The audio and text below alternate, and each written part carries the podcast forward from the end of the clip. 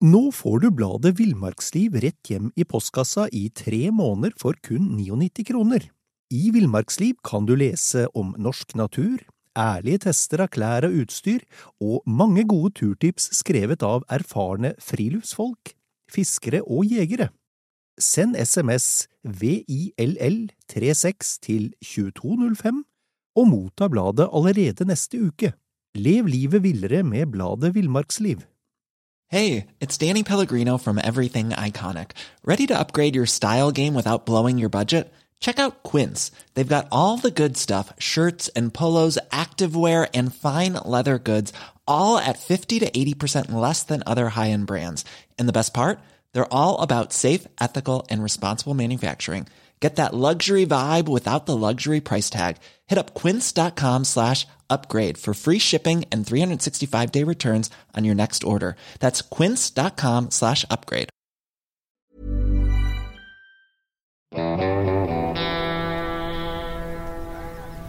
Velkommen til podkasten Villmarksliv. Mitt navn er Knut Brevik, og jeg er redaktør i bladene Villmarksliv, Jakt og Alt om fiske. I dag skal vi snakke om ville dyr og fugler som skades. Ehm, og hva det er mulig å gjøre med det. Og med meg har jeg biolog, friluftsmann, kjemiker, dyrevenn og pensjonert førstelektor ved Høgskolen i Østfold, Jan Ingar ehm, Båtvik. Jan Ingar, du har, du har stor omsorg for, for, ville dyr og fugler som skades. Ehm, når begynte din interesse, bare for å ta det helt innledningsvis, for, for naturen rundt oss? Så jeg er jo vokst opp med foreldre som var veldig interessert i naturen. Og da var det lett å smitte vi barna, slik at også vi fatta interesse for det som far og mor var opptatt av. Og starta vel tidlig med det, altså. Og var med både foreldrene mine litt ut og så på naturen, og tok med ting hjem som jeg fikk hjelp til å sette navn på. Det var veldig stimulerende. Og min far spesielt, kanskje, har jo sånn sett lagt ned et sånn viktig spire til å fortsette å jobbe med naturen og det som vi egentlig alle er avhengige av. Mm. Mm. Når, når starta du med å, å, å, pleie og ta vare på skadd, skadd vilt? Det starta vel med at man på barneskolen opplevde vipeunger som sprang rundt på jordet. Prøvde å unngå traktorer og fòrhøstere og sånt noe. Og Da fløy vi jo etter disse vipeungene og tok dem med hjem og hadde dem i tomme kaninbuer og forskjellige andre steder og fôra med mark og sto i for å prøve å få dem ut igjen. Altså ja. berge dem unna at uh, denne fòrhøsteren skulle klippe beina av dem eller på annen måte ødelegge dem. Så og Det er jo langt ned i barneskolen, det er altså fjerde-femte klasse, noe sånt. Og det starta vel for så vidt der, da, kan jeg vel si. Og lykkes dere med, med å, å, holdt jeg på å si, å få dem til å overleve og få satt dem ut igjen? Både òg. Du vet, det var dårlig med kunnskap, så det var mye velvilje og, og mange følelser. Men uh, kunnskapen var det så som så med. Den har man nok erverva seg litt etter hvert. For det var få andre som drev med det. Og vi skjønte jo fort at disse her eh, vipeungene må tilbake til foreldrene sine. Og vi kan ikke fly rundt og grave mark døgnet rundt, for de vil jo gjerne ha mat døgnet rundt en fugleunge. Mm -hmm. Så uh, å få dem ut igjen i naturen var jo uh, et motiv som var veldig tydelig. Og ikke minst da også med råd fra pappa og og mor også, altså var det viktig å få de tilbake igjen til sine, for å si det sånn. Mm, mm, så, men det er klart, sol og, og, hvis du ikke følger opp dette, så kan det fort bli at varmen eh, mer enn mat. Jeg er opptatt av at den skal ha mat, vet du. Ja, så sulter den i hjel, liksom. Ja, ja. Men det er vel så viktig at det ikke blir overoppheta en fugleunge. Mm. For der er det jo ofte å se foreldrene som eh, sitter i solsteika med vingene bretta ut over sine små for å rett og slett kjøle dem tilstrekkelig ned. Akkurat. Så Jeg husker jo som guttunge at det var en vipunge som ble stående i sola, og som ikke kunne begripe at skulle dø, fordi den fikk jo så mye mat. Men den ble rett og slett overoppheta, det skjønte jeg jo etter hvert. Det ble for varmt for den, og får den heteslag, så dør de jo. Så Spesielt i varmere strøk også, så er det veldig vanlig å se at uh, fugleforeldrene skygger for ungene sine, for å, helt tatt å opprettholde en temperatur som er såpass uh, levelig. At uh, ikke ungene rett og slett overopphetes. Akkurat. Og så har jeg forstått uh, For, jeg, jeg, har også prøvd dette i sin tid, å, å, å redde fugleunger jeg fant, og hadde en aldeles forferdelig dårlig um, dårlig um, uh, suksess, vil jeg si. Jeg hadde null overlevende, jeg. Um, mm. Men så forstår jeg på deg at uh, det er ikke helt likegyldig hva man fòrer de ulike artene med heller. Nei da, de, de, har jo hver sine favoritter selvfølgelig i, i matveien. Fordeler jo naturen seg imellom eh, disse artene. Og um, sånn sett er det selvfølgelig viktig at en har en kunnskap hva skal disse fugleungene ha mat. Det er ikke engang sikkert at det er den maten som de voksne fuglene skal ha. Så barnemat og voksenmat, sånn som for oss, vår egen art, er ganske forskjellig. Så mm. er, sånn er det også ofte slik blant fugl. Mm. Så hønsefugl f.eks., som da egentlig er rene vegetarianere, tiur og røy og sånn, mm. de, får, de fôrer jo ungene sine med insekter første tida. For at de skal få det proteininnholdet som skal til for å bygge den eh, lille fuglekroppen til å bli en voksen en. Mm. Så det er selvfølgelig viktig. Ellers vil jeg nok si at når det gjelder fugleunger, å ta dem inn, så er det aller beste en gjør, det er å ikke ta dem inn hvis du da ikke må. Nettopp. Og en situasjon som kan være slik at du må, det er om det springer f.eks. måkeunger i byen eh, mellom trafikken og folk og sykler. og Sånn kan det jo ikke være. Så en sånn måkeunge må flyttes til et stillere sted, eh, på et hustak, bak noen hus, et eller annet sted. Mm. Men foreldrene er der passer på, egentlig, selv om de da skriker og står i på avstand. Mm. Tør ikke gå ned og fòre denne ungen, for den lever jo i livsfare mellom alt det vi har stelt til med i trafikken. Og så må vi holde ungene unna um, katter. Katter er veldig aggressive og hissige. Mm. En tror her i Norge at uh, katter dreper ja, 7,3 millioner småfugler i løpet av et år. Mm. Og du vet, det er utrolig stort innhogg. Mm.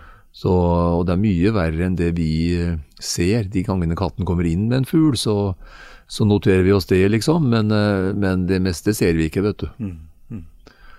Så fugleungen må helst tilbake til sine foreldre, men ikke for enhver pris.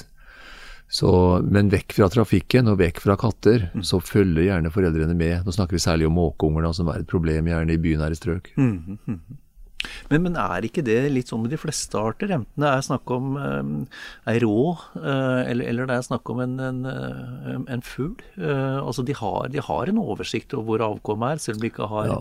nær, altså selv om de ikke har kontroll på det? Ja, de aller fleste har det. Og det er jo, de følger jo med sine små, og det må jo da vi forstå. Og når det gjelder uh, på hjortedyrsida så er det jo også sånn at uh, en, en, mener det vel, men den gjør ugagn altså ved å ta inn denne stakkars rådyrkalven. Mm. Det går dårlig, for de er så gode i nesa, disse her uh, foreldrene, at lukter det mennesket og dyret, så kjennes det ut som et fremmed, uh, fremmedelement, bokstavelig talt. Mm. Og ofte skyr de unna det som lukter av mennesker. Mm. mm. Så det er jo særlig rådyrkua, selvfølgelig, som som eh, da helst ikke vil ha den ungen som vi har drevet og, og gitt omsorg, såkalt. Det er velmenende, men det er eh, naturskadelig. Mm, mm. Så la for all del den rådyrkalven ligge. Mm. Du mottar jo eh, mye vilt nå. Og hva slags dyr får du oftest inn til behandling? Altså Det er veldig mm, årstidsavhengig.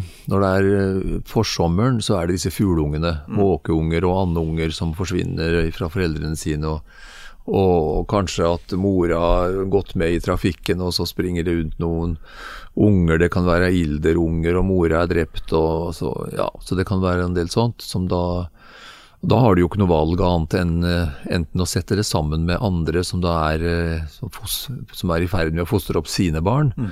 Og er det ilder, så er jo det litt spesielt. Du finner jo ikke så mange ildere som har unger og sånn, så da har jeg nok fostra opp noen sånne. Så det er nå det. Og mm, måkeunger, som da er mye av på våren, og for så vidt også småfuglunger. Men det er igjen rådet altså å få dem tilbake igjen, slik at foreldrene får stelt med det.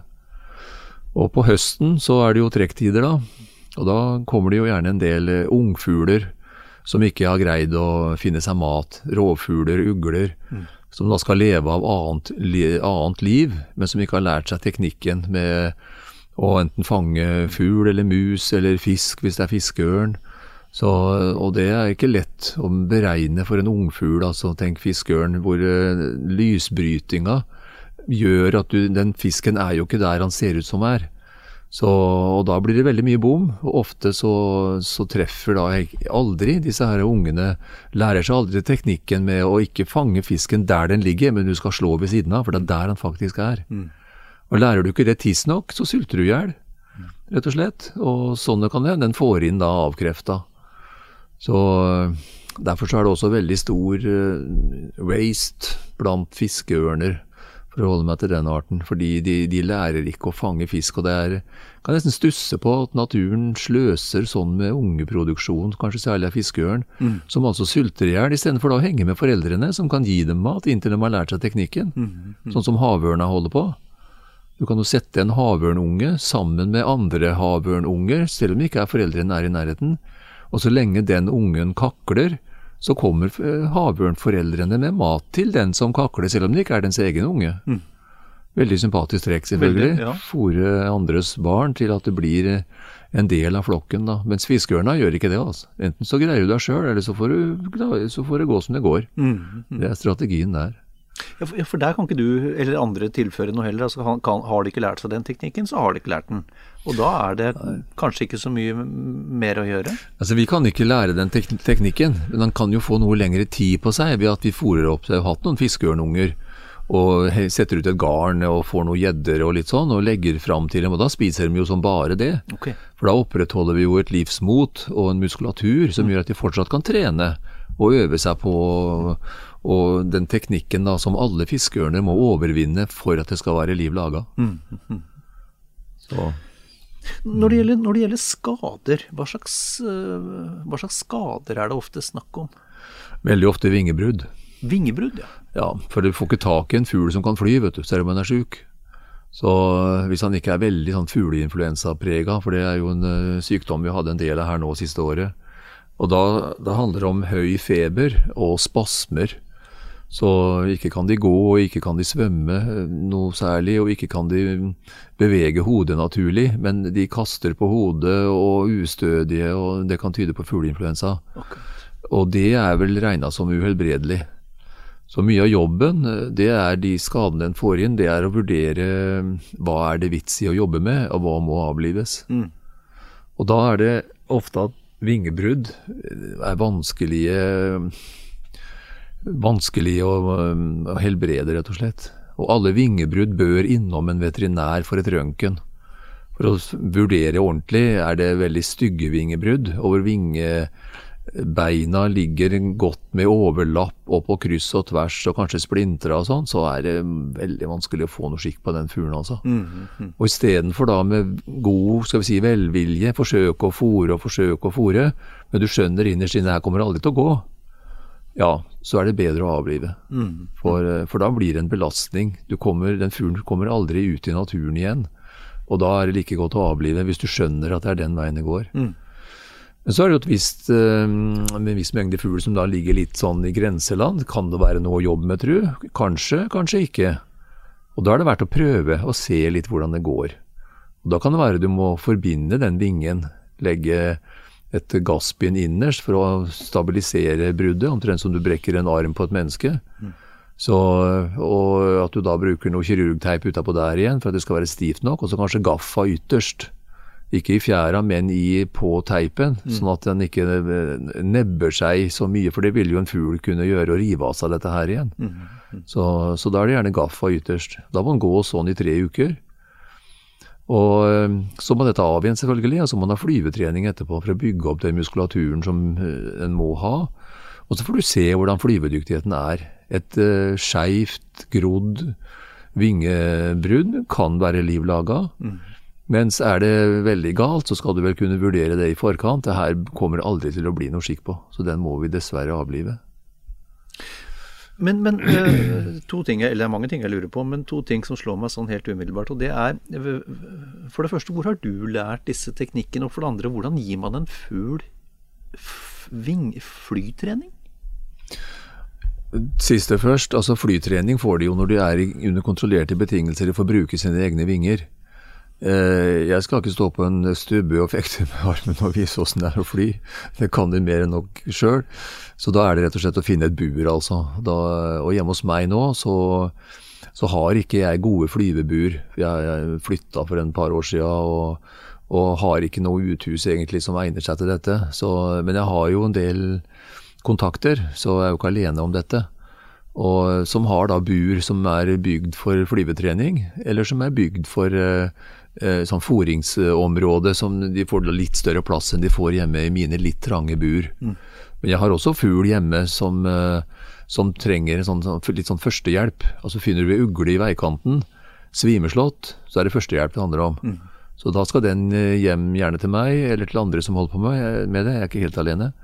Og så, mm, for å se hvordan ting går, behøver ikke engang dra den til veterinær for å få et røntgenbilde i første omgang, når du har svimeslått ugle. Den, uh, den, må få lov å ligge der et døgn, under kontrollerte betingelser selvfølgelig, ikke noe katt og sånn skal det være der heller. Og så får du se, enten så er ugla død fort, og da er de indre skadene uopprettelige, eller så kvikner den til live igjen, og det er ikke så uvanlig, at særlig katteugler og sånn, som er litt mye av, Eh, de går seg til, altså. Det er ikke noen grunn til å avlive og, og være brutal med en. Det ser elendig ut, men det, det, går bra med utrolig mange som en ikke skulle tro det går bra med. Mm. Og jeg er helt sikker på at ugla sjøl er godt fornøyd med det. ja, det vil jeg tro. For det er ofte du får høre at ja, men dyrevern, dyrevernlovgivning og dyrevelferd og sånn gjør at den har best av å dø. Ja, Hva slags argument er det, da? Prøv, prøv det på vår egen art. Mm. Best av å dø hvis du kan helbrede. Mm. Nei, vi er glad i livet alle, vet du. Mm. Det har også disse uglene. Så når de kommer ut i naturen igjen, så er det en veldig glede både for ugla og for den som har stelt med en. Mm. Mm. Det er helt sikkert. Og, og, hvor lærte du disse teknikkene, eksempelvis det med å spjelke en vinge, som du nå har vært inne på, ved bruk av gaffateip bl.a.? Altså Det er erfaring eh, som har gjort, det. og så prøver du deg fram, og så ringer du til noen som Eh, gjerne en veterinær som, som, heller ikke er helt borte på dette, men som sjelden gjør det, for, de, for fugl er ikke en del av deres utdannelse. Nei. Har du sjuk høne, vet du, så hakker du huet av den. Du går ikke til veterinær med den. Så, så enkelt er det. Det er jo produksjonsdyr. Så eh, å få en veterinær til å fortelle deg litt, og så finnes det jo en del i bøker, da. Det er jo folk i utlandet som er flinke på å reparere fugl. Det har jo en del litteratur på det. Og så er det litt erfaring, kanskje ikke så rent lite heller, etter hvert som året har gått. Hva mm. som det er eh, verdt å satse på og prøve å få ut igjen. Og der får du etter hvert ganske god erfaring. Så jo eldre du blir, jo mer erfaring, egentlig. Mm. Mm. Så det er nok fugl nå som jeg ikke tar inn, men som jeg innser at det her eh, vil aldri kunne, til å, vil aldri kunne leve et liv i det frie igjen. Og da, da forplikter man å avlive. Mm. Altså hvor eh, du, du, snakker om at du er ikke alene, eh, men, men, hvor mye jobb er dette for deg? Eh, hvor, hvor ofte blir du kontakta? Veldig forskjellig, men i perioder så er det daglig at noen ringer og har et eller annet. En hauk går var jo en hauk som har fløy inn i en stall og ble sittende der, og hvor politiet ble kontakta, og viltnemnda da, og begge de fikk jeg kontakt med, og med det rådet som de for så vidt også tenkte litt på sjøl, at vi setter opp ei dør og legger denne daue dua som da denne fuglen var på jakt etter, men som det, da i vannvaren her så fløy inn i stallen istedenfor ut igjen med den, det byttet. Mm. Og fuglen fant jo veien ut. Så er jo forutsetning da at man prøver å dekke til store vindusflater, eventuelt kline dem til, så ikke fuglen tror at det er snarveien ut, for det kan bli vondt verre. Mm, mm. Så, så, det var nå det, da. Altså, og det er jo lett, for så vidt. Det var ikke noe skada fugl, men det var en fugl på avveier. Det er jo også lett å fange for øvrig, om det skulle være slik at fuglen ikke fant veien ut.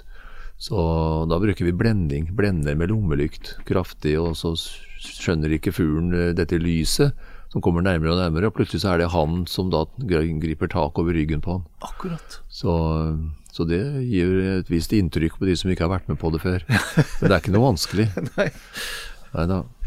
Men Er det, i, I hvilken grad er dette arbeidet organisert? Er det, er det bare kjennskap til at, uh, du er en mann å kontakte, eventuelt andre som, som, som, som også tilbyr den type tjenester, eller, eller, er det organisert på noen måte? Altså Det er snev av organisering ved at uh, vi har noe som heter Fuglevakta. Uh, hvor en kan ringe til. og Da er det slik at det er fuglefolk du kommer til. Så, så er det noe som heter Fuglehjelpen, som da fungerer også ganske greit. Sånn eh, Pelle Wikstrøm heter han som sitter der nå, men som da dessverre ikke kan rykke ut sjøl, men som da distribuerer sine oppgaver rundt til folk som han har litt tro på. Han ringer jo ofte meg da. Mm. Så, og så er det jo viltnemnder som kan ringe, og politiet kan ringe, og privatpersoner som du har hatt kontakt med før, som vet at uh, du driver litt i den bransjen. Så det foregår litt sånn både sentralisering og litt mer kontroll på ting, og, og at det er direkte kontakt. da. Ja. Så dette er frivillig, vet du, alt. Eh, det er frivillig innsats. å organisere ting, og du sitter og har telefonvakt og sånn, det er vanskelig å få til når du ellers har inntekta di helt andre steder. Selvfølgelig. Så det er jo en, en frivillig innsats primært for alle de som holder på med dette. Så så, så alle, alle, disse timene du, du, legger ned i det, dette er, dette er ren frivillig. Det er, det er ikke noen som betaler utgiftene her? I prinsippet nei. Så det er noen som tilbyr seg å, å dekke noe mat, og jeg har kjøpt noen kyllingfilet som den her tårnfalken eller hva det måtte være spiser. Mm. Så jeg kan gjerne Nå får du bladet Villmarksliv rett hjem i postkassa i tre måneder for kun 99 kroner. I Villmarksliv kan du lese om norsk natur, ærlige tester av klær og utstyr, og mange gode turtips skrevet av erfarne friluftsfolk, fiskere og jegere. Send SMS VILL36 til 2205 og motta bladet allerede neste uke. Lev livet villere med bladet Villmarksliv.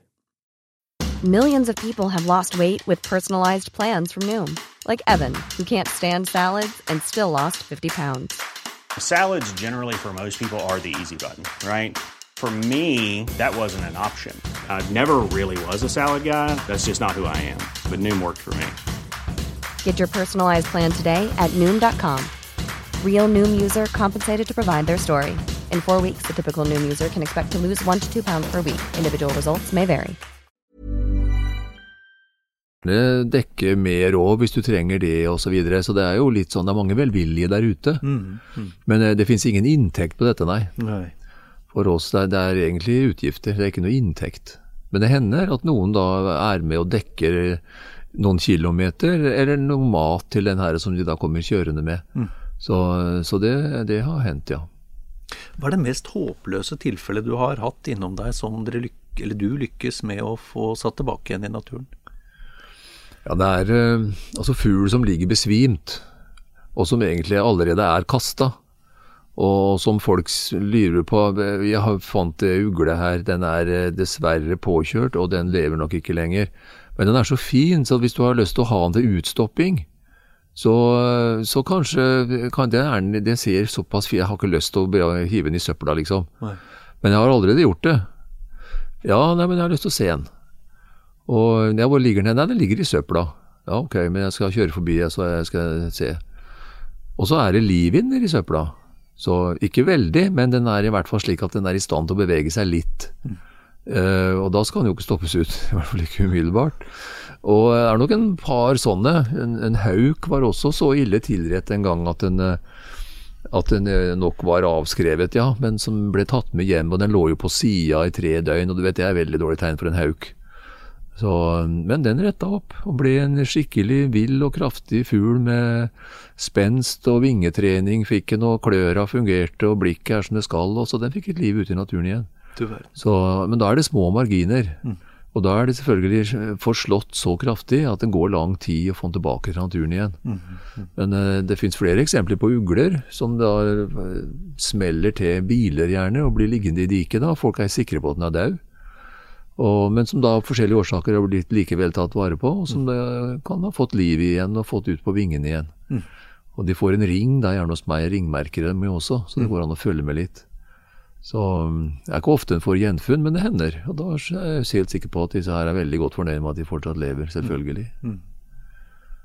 Har du noe tall på hvor mange, mange vilt du har hjulpet opp gjennom åra? Flere har spurt om det, men eh, jeg har jo aldri notert dette, for det tar også tid. Og det er tida som er i grunnen minimumsfaktoren her, altså. Oppi alt det andre en driver med. Så, så, så må en jo finne tid til dette. Så, men at det er eh, ja, firesifra, det er nok det. Så jeg holdt på med dette i 50 år, jeg, vet du. Ja. Du. Så, så det kan jo bli litt. Og så er det jo spørsmål, altså når har du hjulpet en fugl? Når burde den være med i tallet? Er det nok til at du stopper bilen og tar disse fugleungene som sitter midt i veibanen ut i diket, og så kjører, har jeg hjulpet den da? Eh, sånt noe blir jo ikke med i tellinga, det gjør jo alle. Så, men der jeg tar den med hjem og gjør noe for den og henter mat og sitter på fanget og tvangsfòrer, for det er jo også en eh, triks, skjønner du, det å lære seg å tvangsfòre de ulike artene. Okay. Og hvordan du gjør det, det er jo sånn det må nesten vises fram, skal det gi noe mening. Så for du, du fôrer jo ugle på en annen måte enn en hauk. Og i and, selvfølgelig, og og hele tatt. Så, så det er jo da ulikt, og som er spennende å holde på med. Og, og som en lærer etter hvert, da. Både ved å lese litt hva de spiser og hvordan de spiser, og hvordan du helst bør gjøre det for å få det til hjemme med, på kjøkkengulvet. Hvor en sitter med dette. Men, men men, alt dette du forteller meg, det, det er jo helt åpenbart at dette er eh, strengt tatt ikke noe for amatører. Du skal, ha, du skal ha en god porsjon med, med innsikt før du begynner å tvangsfòre en rovfugl. Ja, men det går an å ringe og høre hvordan gjør vi dette. Og det går an å komme og se på. Så, så ser man jo fort hvordan dette her kan, bør gjøres. Eh, Samtidig så er det noen som rister på hodet, og det her kommer jeg aldri til å få til. Nei vel, fordi Nei, altså ikke tør jeg dette. En rovfugl har jo skarpe klør og sånn, du må jo pakke inn dette og vite hvordan du gjør dette. Det blir jo demonstrert hjemme hos meg. Men likevel så føler de at de har ikke liksom fingre, eh, motorikk eh, til å ta i dette. Så ok, men det er jo greit. Da kan du heller overlate det til oss som har holdt på litt med det. Og så er det et poeng til, og det er at for å jobbe med en fugl, jeg har vært inne på det så vidt, eh, dette med røntgenbildet er, er helt uh, viktig. Og da er det jo slik at det normalt koster en del, det òg. Men jeg har gode veterinærer rundt meg, både i Mås dyreklinikk og også i Fredrikstad dyreklinikk, og enkelte andre òg, som gjør eh, et røntgenbilde gratis. Akkurat. Ja, så det er også en, eh, det fortjener jo fjær i hatten og takk og sånn. For det å ta et digitalt røntgenbilde i dag, det er jeg som holder fuglen. Det er veldig lite, du ikke aner ikke åssen fugl er engang. Uh, ofte disse veterinærene, men det er ikke viktig heller. Men det, de kan eh, slippe til bare, gjerne i lunsjpausa, det er fem minutter vi snakker om. Så er det jo, jeg holder fuglen, eh, og så tar vi et digitalt røntgenbilde som jeg tar bilde av med mitt kamera, og så kan de gå tilbake til lunsjen sin igjen. Det, det koster veldig lite for dem. Og jeg har jo sagt til dem, og jeg stiller jo opp og bruker fritida mi på dette her, og det er jo vår felles natur, vår felles arv vi skal ivareta. Og da syns jeg det er rimelig at også dere bruker litt av fritida deres på det. Selv om det er mye av dette her dere faktisk lever av. Så det syns mange er greit, og enkelte syns jo det er eh, spennende. Nei, se der, ja, der kommer Båtvik, skal vi se hva slags spennende fugl har vi med i dag. Og det er jo gjerne noe som folk de kommer og tar fram mobilene sine og tar bilder av disse falkene og uglene og haukene og hva det er. Så, så syns det er litt spennende, får jeg inntrykk av. Det syns jeg var hyggelig. Men, men, men jeg tenker på, på det også, Jadengar, at det, dette er jo en sånn gråsone. eh, Dette med ville dyr og fugler i fangenskap. For, for dels har du en plikt til å hjelpe, eh, men, men samtidig så er det ulovlig å holde ville dyr i fangenskap. Eh, Hva tenker du om det? Jo, jeg er veldig for at det skal være ulovlig å holde dyr i fangenskap. Og det er heller aldri mitt mål. Eller de som driver litt parallelt med det jeg holder på med. Det, det er selvfølgelig det eneste siktet du skal ha for dette, er at dette individet skal ut i naturen igjen. Og hvis du ikke har noe tro på det, så, så handler det om avliving. Og det kan gjerne veterinæren få lov å gjøre sjøl. Han får jo dekt, han eller hun får jo dekt dette fra Mattilsynet. Så jeg får ikke dekt noen ting om jeg tar livet av han. Så, men det er nå så, jeg får innfinne meg med det. Jeg er ikke veterinær. Mens øh, den andre sida av det er at eh, en, kunne jo ønske eh, et regelverk som var litt mer eh, i retning av at hvis du tar inn en fugl, men fortsatt har for øye at den skal ut i naturen igjen, så står det da i viltforskriftene at den, den skal være eh, 100% i orden. Det er ikke akkurat sånn det er formulert, men det er det som det ligger i det. 100% altså helt frisk, står det kanskje. Mm. Helt frisk, for den skal ut i naturen. Ja, hvem av oss er det som er helt friske? Det er noe med oss alle. Og er, Sånn er det også med de enkeltindividene av fugl du tar inn. Det er noe med dem. Det er individuelle forskjeller. Og helt frisk er veldig upresist. Så øh, det kan jo si som litt forspøk, er du vært hos doktoren og kommer igjen og han sa du var helt frisk, så er det for at han ikke har undersøkt deg nok. Mm, mm. Ja, Men det er litt sånn med en sånn fugl òg. Jeg, jeg, setter gjerne ut jeg en musvåk eller en tårnfalk som for meg ser ut som kan leve et liv, et fornuftig musevåk- og falkeliv ute i det frie igjen. Mm -hmm. Selv om jeg nok ser at den vingen ble ikke 100% den ble kanskje 95 mm. Disse her er jo også i stand til å spise noe åtsler og sånn, og da kanskje det er det som det handler om resten av livet. Mm. Særlig for en musvåk, som da ikke er 100% men som er kanskje 95 mm. Der har jeg hatt noen krangler, skjønner du, med Mattilsynet og andre direktorat i forbindelse med at jeg syns den der hubroen jeg en gang hadde, f.eks., den, den er god nok. Men den uh, fløy på en vegg. Denne hubrohistoria kommer nå, da. Den, den, fløy på en vegg, den hubroen. Og på tommeltotten uh, så sitter det tre fjær. Og de fjæra, de, de var ganske deformert, naturligvis. Da smelt den der vingen inn i veggen mm. så kraftig at det gikk utover de tre fjæra. Så så var jeg hos veterinær med en, for en, en hubro er såpass sjelden fugl at det der kan det hende at du må koste på litt. Mm. Og jeg ville at veterinæren skulle sy igjen det såret på hygienisk vis. Det kan veterinærer, mm. flinke på det. Samme om hvilken art det er egentlig, så kan de dette med sårbehandling. Og resultatet var at den eh, vingen grodde veldig pent. Jeg hadde jo alt pleien med den uh, hubroen etterpå. Mm. Men den mangla altså de tre fjæra. Og så ville jeg sette den ut igjen. Men da de sier nei, den skal ikke sette ut den, den er ikke 100% så den eh, vil vi ikke at du skal sette ut i naturen. Jo, men jeg, jeg avliver ikke den fuglen. Jo, men det er det du skal, du skal avlive den. Ja, den mangler tre fjær, men den er fullt funksjonell ellers. Så da prøvde jeg å få ny i avl. Riktig til Kristiansand dyrepark, og han som holder på oppe ved Mjøsa der, han snakka jeg med, og han, og han eh, ville gjerne ha fuglen som utstilling, da. Men da blir, da blir det en fugl i fangenskap, dette. Mm.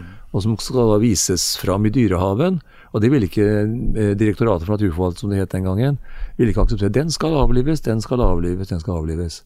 Resultatet var at jeg tok med meg hubroen, kjørte til Sverige med den. Kjørte til Skåne for de ville veldig gjerne ha den fuglen i avl. Ja. ja.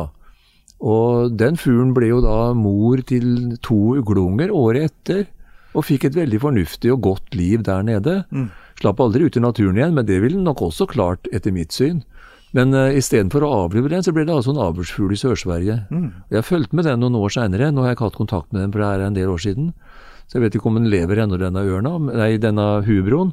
Men i hvert fall et eksempel på at vi er veldig snare til å ty til de forskriftene vi sjøl har laga om avliving. Veldig snare, syns jeg, i forhold til da praksisen, som jeg opplever i hvert fall, hvor veldig mange fugler får et forlenga liv ute, og som gleder både meg og helt sikkert de individene som uh, utsettes for dette. Mm. Hva, hva, tenker du om det, uh, holdt jeg på å si, manglende uh, apparatet i Norge kontra, kontra andre land i Europa? Så Det er jeg jo litt bekymra for, at vi skal være så lite interessert i vår egen natur. Naturen, en skada fugl, har null verdi i norsk sammenheng.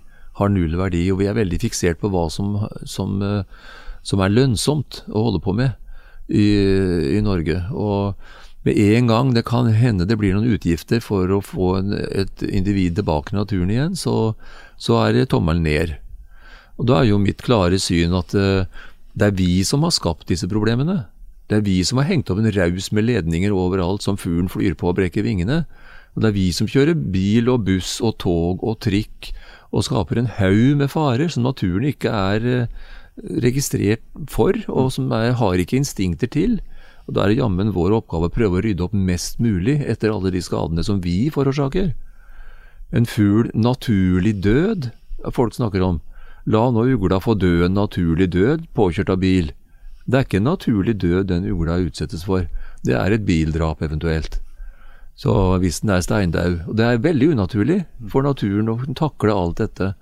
Så jeg syns absolutt vi bør satse på i størst mulig grad å rydde opp etter oss for all den ugagn som vi gjør for naturen generelt. Det er ikke bare fugl, men det gjelder alt vi driver med i naturen, og for alle de andre artene som vi har et ansvar for å ivareta. Det er vår felles natur.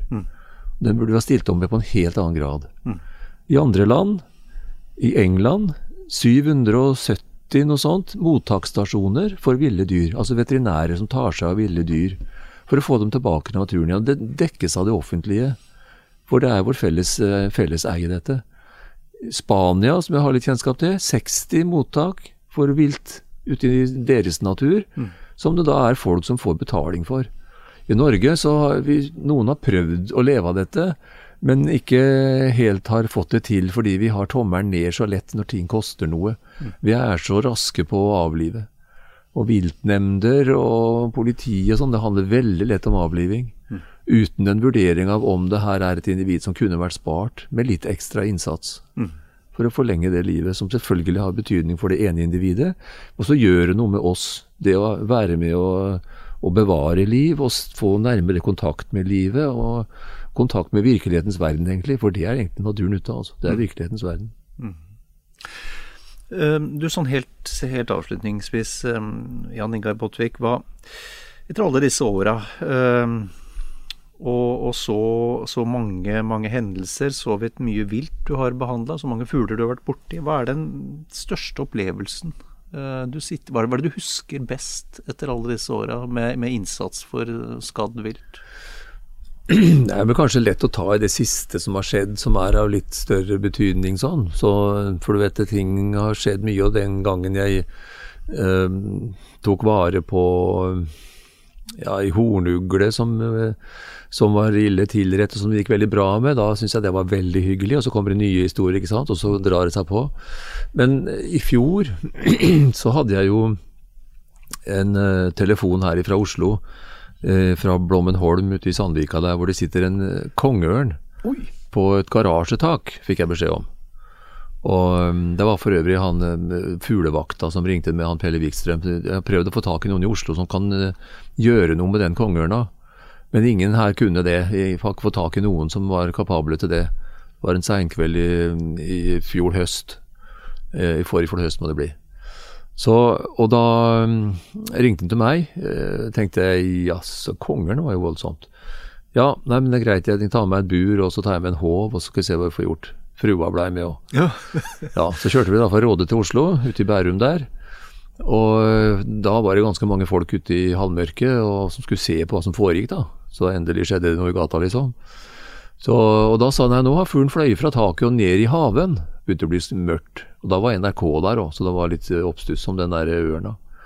Tok meg inn i haven da, og, og fant ikke fuglen med det samme, men så ser jeg han sitter under en busk.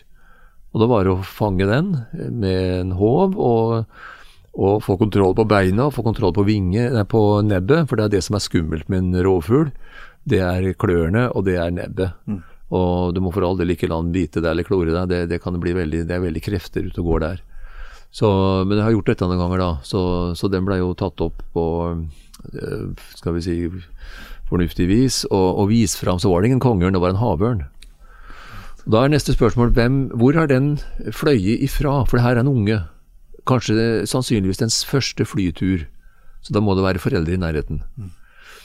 Dagen etter, jeg etterlyste og nå må dere prøve å finne ut av hvor er denne havørna hvor er, ungene, hvor er foreldrene hen, slik at de får igjen ungen sin. For de fôrer jo ungen sin i gjerne et år eller to, de. Sånn eh, flyr sammen med foreldrene i, i håp om Eller før de blir kjønnsmodne. Blir jo kjønnsmoden fem-seks år gammel, vet du, en, en havørn. Og så ble det eh, satt ut en sånn spørsmål om hvor er den der eh, ørnungen kan komme ifra. Og da eh, fuglefolket i Oslo var i sving, og jeg tok med meg ørna hjem og, og fôra han med noen kalkuner, sånne kalkunprodusenter ikke så langt unna der jeg bor. Og der dør det jo noen stadig, som han har det fast daud kalkun som jeg kan hente når jeg trenger noe rovfuglmat. Og, men det var jo for trangt hjemme hos meg, da. Så den der havørna, den, i påvente av å finne igjen foreldrene, så gikk den jo litt trangt. Så har jeg noen i Rygge, så mm, Katrines kattehotell, hun har noen bur hvor jeg kan ha også den der havørna. Der ble den gående litt. Litt større bur enn det jeg har hjemme. Og mat han spiste som bare det, og la på seg. Fra 4,2 kilo til 6,1. Oi. Så den la noe veldig på seg. Så, og den lærte jo ikke å fly da, vet du. For den, den fikk jo mat bare. Fikk mat, fikk mat. I påvente av å finne foreldrene. Ikke noe resultat på det. Og så var det fugleinfluensa i fjor. Og han på Ramme gård, han Peter Olsen borti Hvitsten, han hadde jeg kontakt med. Og de hjelperne som er rundt han, han har en hel stab som holder på på denne digre gården sin. Og De kunne fortelle at vi har et bur vi som vi ikke kan ha fugl i nå. Påfugl og perlehøns måtte vi eh, flytte pga. fugleinfluensaen. Vi fikk ikke lov å ha dem ute. Men nå er det buret ledig. Ja, så flott, da kan jeg komme dit med havørna mi. Det gjorde jeg. Og bygde opp der, og han eh, Per Sollermann som jobber der, og Arnkjell Johansen var med på dette her, og det var jo stor stas. Vi bygde jo eh, sånne avsatser derifra til dit, så ørna skulle få, få fly en fire-fem meter inn i den her volieren for å få denne flyvetreninga. Ja, ja. Ørna var ikke noe særlig flink til å fly, skjønner du. Så den var litt for feit. Det var bortskjemt. Godt bortskjemt, den ørna den gangen. Og da kom vi på at nei, vi skal ikke gjøre maten så lettilgjengelig. Skal ikke ligge på bakken den. Vi skal bygge opp maten på en to meters høy platting. Ja. Så må vi i hvert fall fly dit for å få mat. Ørna kunne fly, vet du. Den fløy som bare det opp der og når den først måtte. Og var i ferd med å bli lat. Støkk lat, vet du. Og døkt, døktig bortskjemt. Ja. Ja, men ikke noe foreldre var å finne, og det da endte med at eh, på høsten i fjor så gikk det sånn at vi, nei, vet du hva vi gjør? Vi tar denne gamle eh, Citroën Berlingoen vi har, og så pakker vi inn den med papp bak i varevogndelen, eh, slik at han ikke ser ut, og så lager vi en svær stokk som vi fester skikkelig med lastebilstropper bak så han har noe å sitte på. Og så kjører vi den der havørna rett og slett til eh, Mørekysten, der hvor det er eh, andre ørnunger som kakler og roper på foreldrene sine. Og det gjorde vi. Og vi ble der oppe i to døgn for å se at det gikk bra med den. Så la vi ut mat til da han eh, Arnkjell Johansen var med som følgebil. Vi hadde ikke plass til noe overnattingsutstyr i denne Berlingoen, for hele plassen da gikk jo til ørneplass bak i bilen der. Så eh, det var en spenstig tur. Og ørna slapp vi ut, og den eh, fløy rundt i det området. Og jeg har fortsatt kontakt med folk der oppe. Han Alf Ottar Folkestad er jo sånn havørnmann i Norge, så han, han ringer en gang imellom og forteller at nå har hun vært der, og nå sitter hun der, og nå flyr hun rundt. Så Altså, hun klarte seg fint, altså. klarte seg fint, vet du. Nei, fantastisk. Så den er jo ring på begge beina, så det går an å følge med at det er individet vårt. Ja, ja, ja. Så den lærte seg til å stjele fisk fra oter, f.eks. Det er jo kjekt. Det er jo sånn havørnetriks. Ja, oteren fisker og svømmer inn med rognkjeksa, og så kommer havørna og så napper den ifra oteren. Så ja, det er liv i det fri. Så, så den havørna lever fortsatt, og det, det var jo en stor opplevelse, med en veldig stor innsats, da. Ja, ja, ja. Kjøre en helt dit og kjøre hjem igjen og overnatte der oppe. og Mm. så, eh, så når du spør om en av de liksom litt større opplevelsene, i hvert fall i ny tid, så må det være den havørna som vi stelte så mye med og jobba så mye med. Fikk jo personlig kontakt med den, vet du. Ja, ja. Så ja da. Fantastisk fin historie. Ja. Tusen takk for en hyggelig prat. Ja, takk det samme.